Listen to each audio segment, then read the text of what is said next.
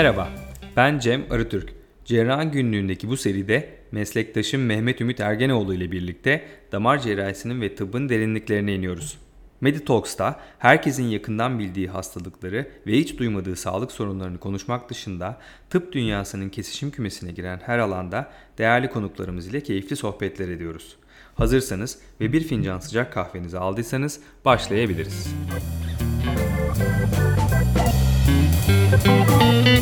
Thank you.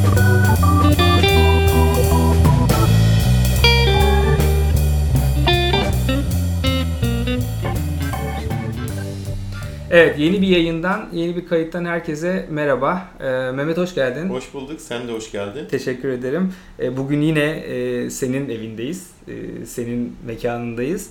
E, konuğumuz bizimle birlikte bu e, yoğun günlerinde gerçekten çok meşakkatli çalışma şartlarında bize zaman ayırdığı için öncelikle e, teşekkür ediyorum.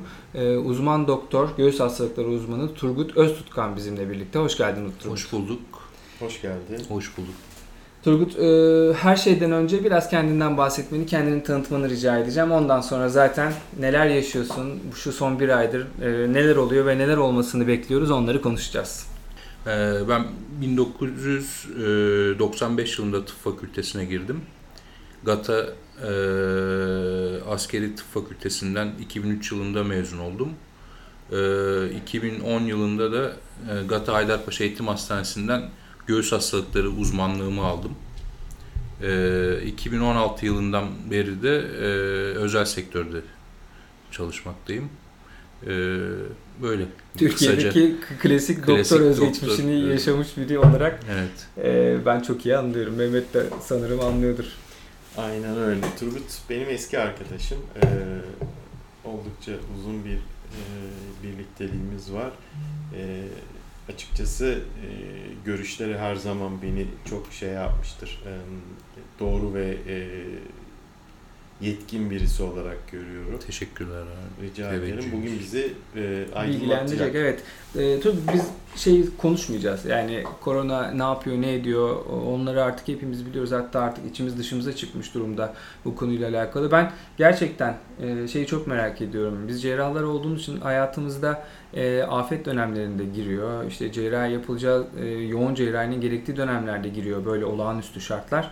Ama siz e, göğüs hastalıkları doktorları, enfeksiyon hastalıkları doktorları, dahiliye doktorları, acil hekimleri özellikle son 1-1,5 aydır çok ciddi anlamda e, risk altında ve e, yoğun çalışma şartlarındasınız. E, biraz bize onunla alakalı e, bilgi vermeni isteyeceğiz bugün. Nasıl başladı, nasıl, nasıl devam başladı? ediyor ve nasıl gidecek? Şimdi öncelikle bu Ocak ayında Çin'de başladığında e, benim çok e, evhamlı bir eşim var. O başlamıştı bana anlatmaya. Çin'de böyle bir salgın var diye. E, ben çok umursamıyordum açıkçası. Diğer önceki bu SARS'la MERS gibi yani bizi etkilemez diye düşünüyordum. Daha sonra Mart ayında e, ilk vaka açıklandığında 11 Mart'ta biz şeydeydik. Göğüs Hastalıkları Kongresi'ndeydik. Hatta iptal edilmeyen tek kongreydi. Orada işin ciddiyetini şöyle bilim kurulu üyesi hocaların yüz ifadelerinden böyle bir e, bize işte bu konuyu Covid ile ilgili konuşurken ki mimik jestlerinden biraz etkilendim. Bir şey soracağım hemen. Ee, o kongrede Covid ile alakalı bir oturum var mıydı? O vardı, vardı. Yani beklenir bir beklenir bir durum vardı. Zaten yani. ilk vaka açıklandığı gün biz e, Covid ile ilgili oturum yapılmıştı. 11 Mart'ta açıklandı ilk vaka. Tevfik Hoca var, Tevfik Özlü. Ee, ama yine sonra her şey devam ederken benim işte diğer e, devlet hastanesinde çalışan göğüs hastalıkları uzmanı arkadaşlar, enfeksiyon hastalıkları arkadaşlarla WhatsApp grupları var. Ee, ben kongreden döndüm. Ben yine ilk özel hastanede çalıştığımız için fark edemedik olayı ama WhatsApp gruplarında yani çok dehşet bir hava vardı. Yani herkes e, anksiyete hat safhadaydı. Hatta ilk vefat edenlerden bu Covid pozitifliği konfirme edilmemiş e, bir emekli generalin doktoru, ben askeri doktor olduğum için eski, e, doktoru bir arkadaşımız vardı, dahiliye uzmanı. İşte onunla ilgili haber alıyorduk. işte Elçin'den bahsediyorsun Elçin. galiba. Hı hı. Elçin yattı, yattı. İlk tomografisini atıyorlar falan. Hiçbir şey yok. Üç gün sonra tomografi atılıyor. Çok muazzam bir progresyon. İşte nefes darlığı başladı. Yoğun bakıma alındı. Entübe edildi falan. Yani herkes panik içindeydi. Yani e, bir de o sırada işte diyorlar 65 yaşın üstünü komorbiditesi olanları, eşlik eden hastalığı olanları dikkat etsin deniyor. Ama bu kız yani normal hani 40 yaşında bir dahiliye uzmanı hiçbir komorbiditesi yok. İşte o haberler çok şey yapıyordu. Sonra e, daha başka işte kongrede beraber olduğumuz bir göğüs cerrahı doçent arkadaş vardı. O yoğun bakımlık oldu. İşte çok kişi şey oldu. Çok hızlı bir şekilde Hızlı. geçti. O, yani o günlerde çok yani şeydi. Ya bir afet döneminde bir karmaşa, kaos. Biz yani insanlar acaba doğru korunuyor muyuz? Herkes kendini sorguluyordu. İşte hasta muayene etme konusunda çekinceler vardı. Ee, yani öyle sıkıntılar yaşadık. E tabi bu e, aslında dışarıdan baktığımızda e, biz ikinci plandaki hekimlerde veya toplumdaki diğer insanlarda sadece bir e, şahsi kaygı oluşturuyor. Yani Evet. ben buna yakalanmayayım, uzak durayım e, kaygısı oluşturuyor ama sizin durumunuz bence bu konuda çok daha farklı. Çünkü Evet. içinde olmak zorundasınız. Doğru korunmak zorundasınız. Doğru korunsanız dahi e, bu problemle karşı karşıya kalma ihtimaliniz var. Önünüzde e, maalesef ki özellikle o konuyla alakalı yeterli bilgimiz olmadığı ilk dönemlerde çok kötü örnekler var. Örnek. Daha arkadaşlarımız yani hepimizin arkadaşlar yeni iyileşiyorlar. Üzerinden bir, bir buçuk ay geçti. Evet, Kaybettiklerimiz kaybet- oldu. Artı bütün bunların üzerine e, yeni bir algoritmanın oluşturulduğu bir tedavi sürecini yönetmek durumundasınız. Yani okuyup öğrenip onu e, sahaya aktarmak zorundasınız.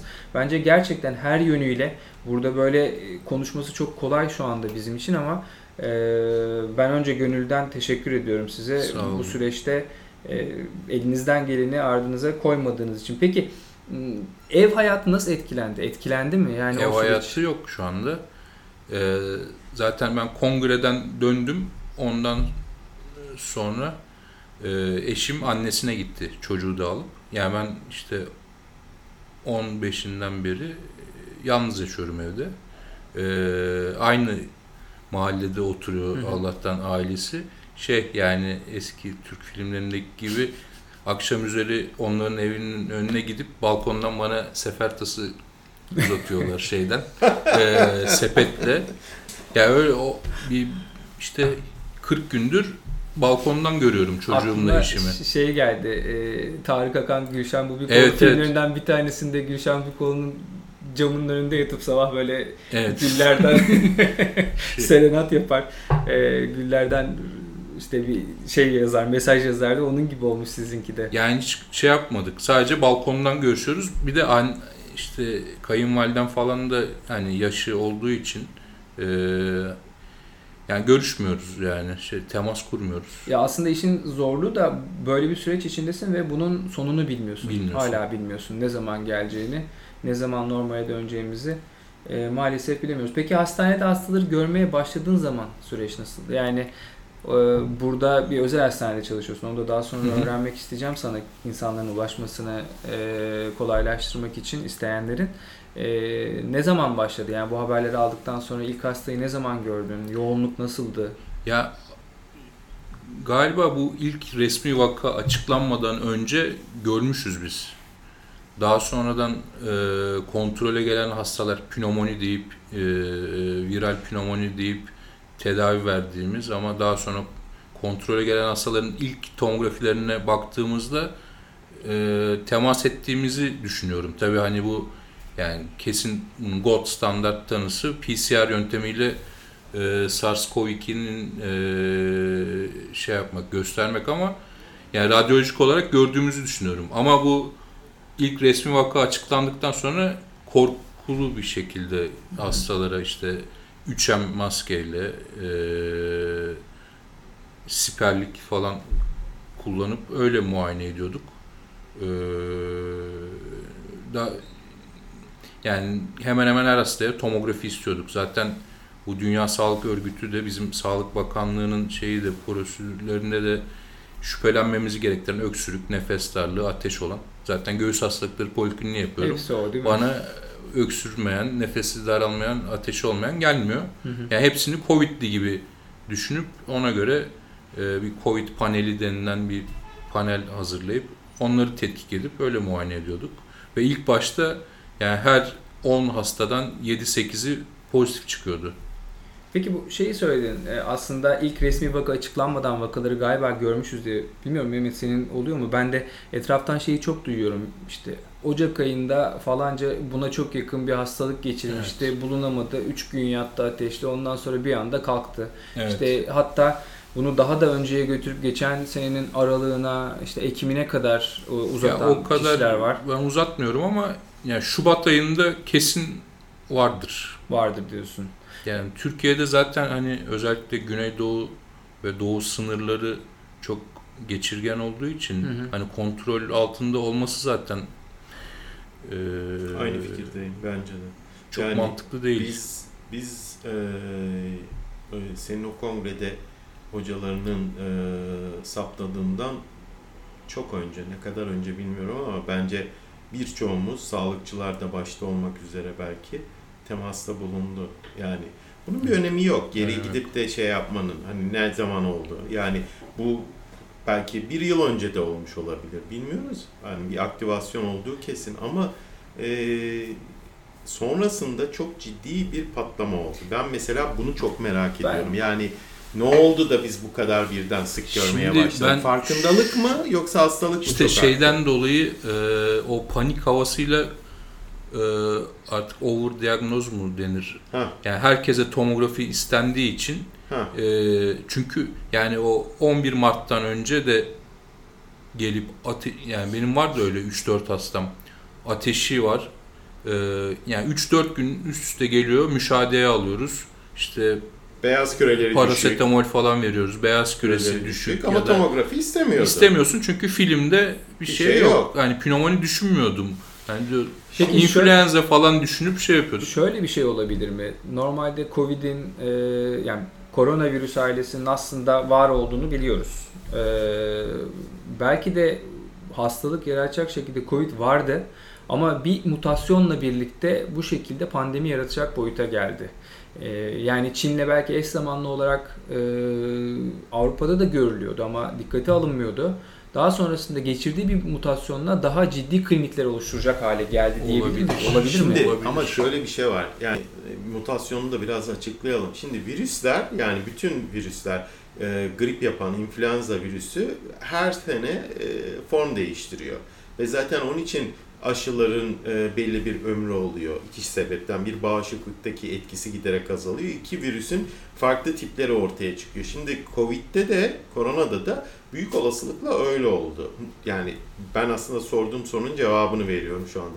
Orada çok büyük farklılığın birden ortaya çıkması bence Çin'de saptanan ve bize doğru gelen virüs mevcut şeyde çok ciddi bir mutasyona uğradı ve güçlendi. Yani ondan sonra da yayılım gösterdi ve zaten sonrasında Dünya Sağlık Örgütü de pandemi ilan etmesinin sebebi farklı mutasyonları aslında o zaman onu bir konuşmasında açıkladı. Farklı mutasyonlara uğradığını, farklı değişkenliklere uğradığını görünce ondan dolayı panik oldular.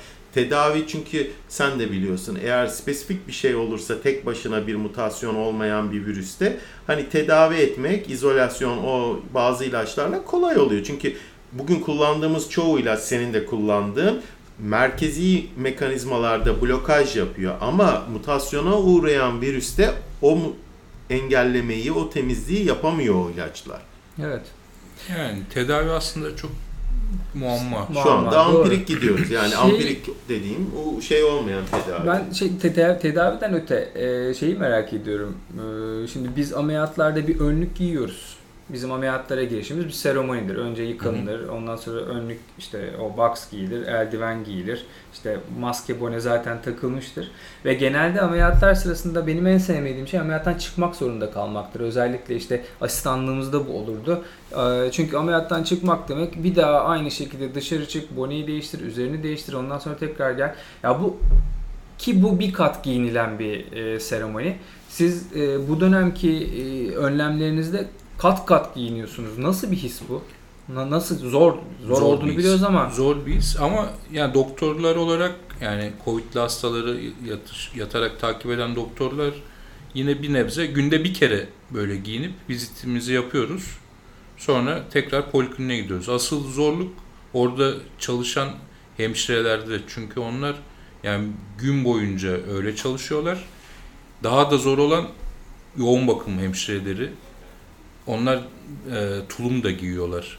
Ee, biz sadece yani klinikte yatan hastalar için box Hı hı. önlüğünü giyiyoruz. Şeyler yoğun bakımdakiler tulum da giyiyor. Nefes alamıyorsun. Yani o maskeyle, 3M maskeyle bir iki kat yukarı çıkıp geldiğinde zaten nefes nefese kalıyorsun. Bu sefer acaba ben de mi kap hastalığı hastalandım deyip yani bir de onun eee, stresini yaşıyoruz. Ama zor bir şey. Bayağı Burada zor. iki tane soru aklıma geldi. Birincisi şey, ya normalde böyle bir şeyi çok yaptığınız zaman, işte çok basit mesela ben gençliğimde Tetris oynardım. Öyle bir oyun vardı ya. Gözünü kapadığın zaman e, Tetris küplerini yerleştirmeye çalışırdın. Şimdi sizdeki bu durumu merak ediyorum. Sürekli Covid hastası görüyorsunuz. İşte sürekli hasta var. Normal hastaneden çıkıp eve gittiğin zaman bu seni nasıl etkiliyor? Yani gördüğün herkes senin için pozitif e, bir insan ve ona göre önlem mi almaya itiyor bu duygu seni yoksa desensitize olup e, şey mi yapıyorsun? Ben burada araya olacaksa giriyorum. olacak mı diyorsun? Şimdi ilk Burada araya giriyorum. ilk günler Turgut'cum ben seni dışarıdan gördüğümden başlayacağım. Sonra sen kendi istedi. İlk Covid olayı ortaya çıktı. Turgut da bir e, hafif e, işi bilen birisi olduğu için bir panik şeyi çıktı. Yani e, bir de bilgi de yok fazla. Ondan sonra e, ve yani e, hekim olarak bize örnek oldu diyebilirim. Yani bir, bir- bir- çok ciddi böyle maske, işte ekstra maske, eldiven, işte mesafe, üstüne şey box, ondan sonra hepsini giymeye başladı ve aslında bize örnek oldu hakikaten ama sonrasında şimdi Turgut'tan dinleyelim. Ben dışarıdan Şöyle, gördüm. ilk başta ben iyiydim. Yani bir panik yapmıyordum. Ama o ilk başta bahsettiğim WhatsApp grupları e, ve işte o devlet hastanesinde çalışan arkadaşlar ya böyle arıyorlar. Turgut'cum nasılsın? İyi misin? Böyle e, şey endişeli ses tonu. Onlar da Covid'de hasta bakıyorlar. İşte muhakkak önlem al, maske tak, çok kötü. Abi bildiğin gibi değil. Yani bu başka bir şey falan deyip bir anksiyete yüklediler. Daha sonra işte ya mesela haberlerde duyuyorsun şu kadar kişi vefat etti şu falan ama bu vefat edenler ya da yoğun bakıma girenler senin tanıdığın, bildiğin biri olunca panik çok katlanıyor. Yani ilk şeyden e, bizim hastanemizin psikiyatri yani psikiyatrından şey yani gittim danış e, danışmanlık, danışmanlık aldın. Ha. aldım. Ya bir antidepresanın zaten kullanıyordum. Ee, onun dozunu arttırdık falan. Çünkü ilk 4-5 gece Antidepresan kullanmayan hekim var mı? yani yok galiba. Hele bu dönemde bence Herhalde var tüm ya. hekimler hayatının bir yani döneminde dozunu iki kullanıyor. katına çıkardık. Çünkü ilk 5-6 gece yani sabah 4'te böyle uyanıyordum. Yani e, irkilerek. Ya tam depresyon belirtileri, iştahsızlık falan. E, ama yani hem bence o antidepresanın dozunu arttırmanın etkisiyle hem de e, yani o işe içine girdikten sonra şey azaldı. Yani şu anda ilk baştaki gibi değilim. Yani şu anda daha rahatım. Çok çok çok ben e, dışarıdan ben de aynı şeyleri kendi çalışma arkadaşlarımda e, fark ediyorum. Bir, herhalde bilinç sahibi olmak Bilinç birazcık sahibi, evet. e, işi değiştiriyor. Bir de şey gibi ne kadar sahne korkun olursa olsun sahneye Evet, çıkıp çıkınca- o- oynamaya başladıktan sonra işler rahatlar ya biraz daha onunla alakalı. İkinci demin aklıma gelen soru şu. e, bu süreçte özellikle biz hekimler bilgiye daha yakın olduğumuz için e, bir takım e, bilgileri değiştirerek e, bazı e, alışkanlıklar edinmeye başladık. İşte e, korunma önlemlerini biraz genişlettik kendi çapımızda. İşte normalde maske takmamız gerekirken, mesafe korumamız, elimizi yıkamamız gerekirken profilaktik ilaç gibi bir e, olgu oluşturduk kendimizde. Hı hı. Bu, bu gerçekten bu psikolojinin, bu psikolojik sürecin içinde bir parça mı? E, yoksa e, biz bunu manipüle edebilir miydik? Yani senin durumun nasıldı? Sen korkup bir ilaç kullandın mı bu dönemde? Hasta olmayayım diye. Kullandım. Kullandım ama e, niye kullandın? niye kullandığım bir sor. bir sor niye kullandım. Schweppes tonik içti. İlk başta zaten o Plekoenil'i bulamıyorduk yani eczanelerde falan zaten eczacılar söylüyordu bir ay önceden başlanmış toplatılmaya. Hı hı. Sonra bir iki arkadaş ailesinde romatolojik hastalığı olup o ilacı kullanan raporlu ilacı olan evde stok olan hani acıyıp yani getirdiler. Benim kuzenimde mesela 5 kutu ilaç var şu anda. Hı. O, o da kullanıyordu daha önceden. Ama yani o sırada da enfeksiyon hastalıkları dernekleri hatta en önemlisi herhalde Türkiye'deki ya bunun gereksiz olduğunu açıkladılar. Hı hı. Ya onu okumama, şey, e, güvenmeme rağmen sonradan hani pişman olmamak için herhalde. Yani şey gibi placebo gibi Hı hı. kullan kullandım. Yani Ayrı bir duygu o herhalde. Ben bunu biraz şeye benzettim. Bizim e, cerrahların e, profilaktik antibiyotik kullanımındaki yanlış uygulamalarına veya uzamış Olabilir. profilaksilere benzettim. Yani biz de bazen e, bize bilim bir şeyi e, çok net sınırlarıyla gösterse bile kendi içimizi rahat ettirmek Evet. için e, yapmamamız gereken veya bize yapılmasının gerekli olmadığı söylenen şeyleri e, ilaçları kullanabiliyoruz uzun bir süreler. Birazcık bence buna benziyor ama tabii insanın kendi olunca, can olunca söz konusu bunu yönetmek daha da zor. Ee, evdekiler ne diyor? Yani evdeki durumu senin yönünden dinledik işte. Ee, zor tabii. onlar evde şu anda olmak. Mesela işte çocuğun da çocuk bu durumu nasıl? çok sıkıldığını söylüyor. Yani işte bahçeye çıksam biraz Hı hı. falan gibi. Ben de ya beni dinler yani. İzin vermediğim için çıkmıyor. Ama çok sıkılmışlar. Zor. Kilo almaktan Hı hı. Şey yapıyorlar. e, Herkes şikayetçiler. ekmekçi oldu bu devirde. Evet, şimdi. herkes- herkes, evde e- ekmek Hı yapıyor. hı. Ya şey psikolojisini bir düşünsene. Sonuçta kaç yaşındaydı? 11. 11 yaşında işte ilkokul e, pardon ortaokul. Ortaokul. Bizim dönemimizde ilkokuldu. Hı hı. Ortaokul birinci sınıfta e, bir yeni okul sistemine adapte oluyor. Evet. Evden okul. Alıştığı fiziksel mekandan uzakta Evet. ve e, aile ortamı bozulmuş durumda. Evet. Artı evden çıkamıyor.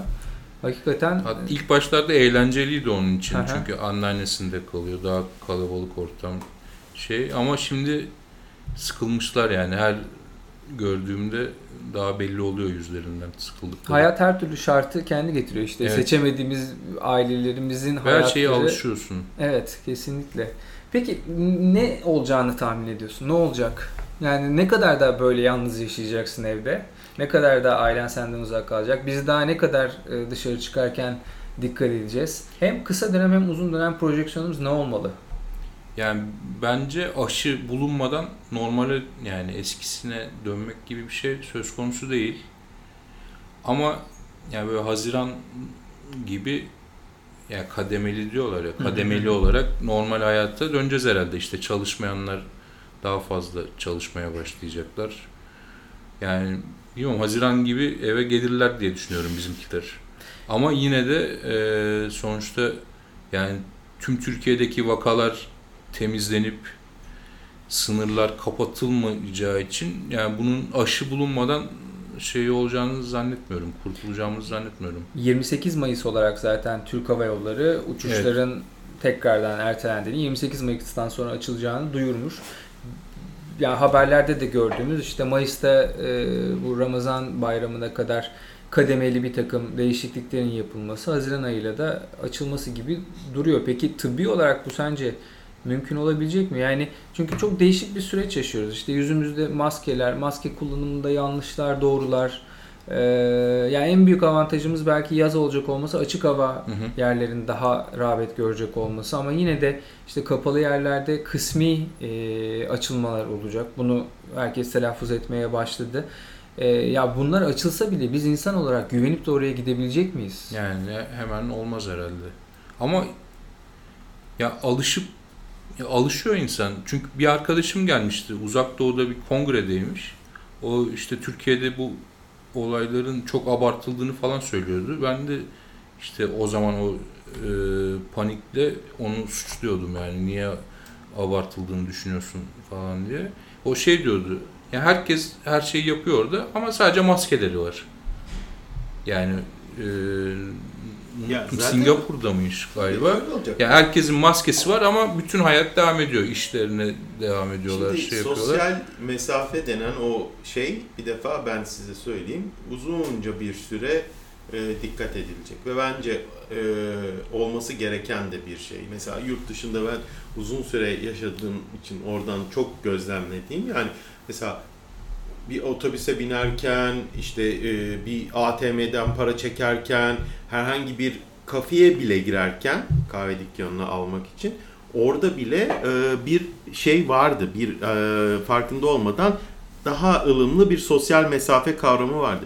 Bence bu yeni düzende Covid'den sonra, kor- koronadan sonra böyle bir şey yerleşecek. Maskeyle uzunca bir süre Türkiye'de de idare edileceğini düşünüyorum. Ama bazı kurallar esnetilecek. Ama yani o zaman bize gösterecek ne olacağını. Ki- Kişisel olarak şey fikrini merak ediyorum. Ee, yani kuzey ülkelerinde, işte İskandinav ülkelerinde, Kuzey Avrupa ülkelerinde, Almanya gibi, Hollanda gibi e, ben bu işlerin biraz daha rahat manipüle edilebileceğini düşünüyorum. Çünkü disiplin olarak güney ülkelerinden çok daha farklı bir yapıya sahipler. Bunu çok iyi biliyoruz. Ama e, bizim gibi e, daha Akdeniz kanının baskın olduğu, hafif Orta Doğu'ya kayan e, kültürel özelliklerin bulunduğu toplumlarda kuralların işte gevşetilmesi de süreç içinde görülüyor. Her konuda olduğu gibi. Yani ünlü işte Türk gibi başla, İngiliz gibi devam et, Alman gibi bitir lafı da vardır. E, sen bu konuda ne düşünüyorsun? Yani ben kendi fikrimi söyleyeyim. E, daha 3. 4. haftadan itibaren e, kurallar gevşetilmeye başlandı. Yani biz kendi doğrumuzu oluşturuyoruz. Bilimin veyahut da sürecin bize e, dayattığı doğruyu değil, kendi doğru bildiğimizi yaşamaya başlıyoruz. Şu anda da öyle gibi geliyor bana. Yani Türk yani şeyle eğitim seviyesiyle alakalı. Yani ben de mesela eve gidiyorum arabayla. Arabayı park ettiğim yerde işte orada gençler oturuyorlar otoparkta. Çok rahatlar. Yani küçücük bir kulübede 5-6 kişi hala sigara içebiliyorlar. İşte uyardığımda da ya abi bize bir şey olmaz diyorlar. Yani eee Biz Türk'üz diyen Evet, var, var, Biz Türk'üz var, bize var. bir şey olmaz. Burada abi. peki şey sence önemli değil mi? Bence bu adalet duygusunu çok yaralayan bir durum. Çünkü e, işte sen diyorsun ki ben bir, bir buçuk aydır çocuğumdan ayrıyım. E, onunla olmak benim hakkım diye düşünüp kuralları bozmuyorsun. hı hı. Ama e, işte herkesin kendi motivasyonu var tabii kural bozmak adına. Ama başkası bunu yapıyor. Yani çok basit bir örnek. Dün e, benim eşim e, yürüyüş yaptı işte alışverişle birlikte. Birazcık uzatıp yolun alışveriş yapacağı yere uzaktan gitti. E, eve döndüğünde şey dedi. Yani bütün çocuklar en az 10 tane 15 tane annesiyle birlikte dışarıda çocuk gördüm. E, biz mi çok fazla acaba e, kurallara uyuyoruz diye bir şey söz söyledi ki e, yani bizim sosyokültürel seviyemizdeki bir insandan bu sözü duymak gerçekten adalet duygusunun Evet. cid, temelden sarsılmasıyla söz konusu olabilir. Bence en büyük problem bilmiyorum siz ne diyorsunuz bu adalet duygusunun sarsılması. O yapıyor ben niye yapmayayım? Zaten bu dalga halinde yayılıyor toplumda. Ama benim motive eden şey hani e, toplum sağlığından çok ben hani kendi sevdiklerimin sağlığını düşündüğüm için Hı hı. Yani onlarla İşte şu anda ama sen aynı öyle düşünüyorsun. Ben duruyorum. size bir örnek vereyim ondan sonra şey yapalım. Ee, benim oturduğum sitede aşağı yukarı 12 bin kişi oturuyor. Ee, ve bir Biz ona e, kasaba diyoruz tabii, aslında. tabii, aynen öyle. Sonuçta bir e, Facebook grubu var. e, konuşulan şey yapılan. Orada son belki de e, bir, bir buçuk aydır trend topik olan muhabbet işte çocukları çıkardınız, çocukları e, parka yolladınız. İşte bahçede şeyde e, çimlerin üzerinde oturuyorlar bilmem. Gerçekten o kadar e, olayı e, hala kavrayamamış ebeveynler var ki yani hepimizin çocuğu var. Hepimiz kapalı kaldığımız için şikayet ediyoruz. Ama yani sen oraya o çocuğu çıkarmakla kendini riske ettiğin kadar aslında bizim de e, çocuklar üzerindeki otonomimizi e, sabote ediyorsun. Adalet Evet. duygusu vesaire değil. Kendini düşünmüyorsun vesaire değil. Yani ama onu görmemesi lazım. Benim çocuğum onu gördüğünde orada direkt sorduğu şey biz niye çıkmıyoruz? İşte orada da kendi e, kurallarımızı koyup aslında doğrunun ne olduğunu anlatmak bence gerekiyor gibi. Evet. E, son bir soru sormak istiyorum Turgut. E, bu sene tatil yapabilecek misin sence? Hmm, Sanmıyorum. Yani sanmıyorum yani. Yap, hmm, Ya bu, yani bu yani yani çok uzun bir tatil olmaz. Belki birkaç günlük yani tatil derken artık yani Tatil e, köyü tatili olmayacak. o öyle bir tatil olmayacak. Baksana, İstanbul'dan çıkamam herhalde ama Deminden beri anlatıyorsun. Ya kavram o kadar uzaklaşmış ki cevap bile Evet, veremiyorsun. Yani aslında bu bence en vurucu noktası. Hani geleceğe yönelik şu anda kendine dair e, en ufak bir planı yok. Yani işle ilgili, e, hastalarla ilgili bir sürü şey anlattın. Ailenle ilgili bir sürü şey anlattın ama tek düşünmediğin belki de burada Evet şu anda kendinsin. tatili hiç düşünmedim. Bir hatta bir yine gruplarda sosyal medyada paylaşılan bir şey vardı. Den- deniz kıyısında sahilde numaratör koymuşlar. İşte 65 sıra sende sen gir denize diye. Aslında burada tatili de kastetmedim. Buradan ayrı olup birazcık kendini dinlendirebileceğin bir zaman aralığından bahsettim. Hmm. O tatil e, adını koyup e, verdiğim kavram buydu. Yani o Ağustos'ta falan olabilir gibi geliyor. En erken Eylül Evet. diyorum ben. E, ama Eylül'de tekrar ya ben ikinci bir şey bekliyorum. E, olacak. Artık virüste yaşamayı öğreneceğiz. Kuralları değişti artık. Yani sonbaharda yine bu Mart'taki, Hı hı hı. Nisan'daki kadar olmasa da bir patlama olacağını düşünüyorum. Ama virüs bizim hayatımıza girmesini ben bir aklımda kendi adıma çok güzel bir şey olarak e, yorumluyorum. Ben yürürken şimdi yol yürüyüşüm mesafemde etraftaki ağaca, çiçeğe, böceğe daha fazla bakar oldum. Neden bilmiyorum. E, benim için bazı şeyler hani e, daha anlamlı hale geldi. E, artık birbirimize belki saygılı olmayı, birbirimize mesafeli olmayı hani sosyal mesafe anlamında öğreniriz hijyeni öğreniriz belki elimizi yıkamayı. Ee, umarım bizim hayatımızda böyle büyük değişikliklere olmasa da küçük ama Önemli önemli, önemli dokunuşlara. değişikliklere, dokunuşlara sebep olur. Gerekiyor bence. Bence de. Turgut çok teşekkür ediyorum. Ben E, teşekkür Ayağına ederim sağlık, size. ağzına Sağ sağlık. sağ. Gerçekten yürekten e, teşekkür ediyorum. Son olarak sana ulaşmak isteyenler nasıl ve ne şekilde ulaşabilirler? Şeyde e, ben Şişli International Kolan Hastanesi'nde çalışıyorum. E, part time olarak da Bayrampaşa Kolan Hastanesi'ndeyim. Yani oradan ulaşabilirler. Tamam. 444 1 443 Şey reklam. reklam. Tamam. Çok teşekkür ediyorum. Sağ olun. Ben teşekkür Ee, ederim. Tekrar tekrar gönülden. Bu kaydında, bu yayınında sonuna geldik. Önümüzdeki hafta yeni bir kayıtta, yeni bir konukla beraber olmak üzere iyi haftalar diliyorum. Hoşçakalın.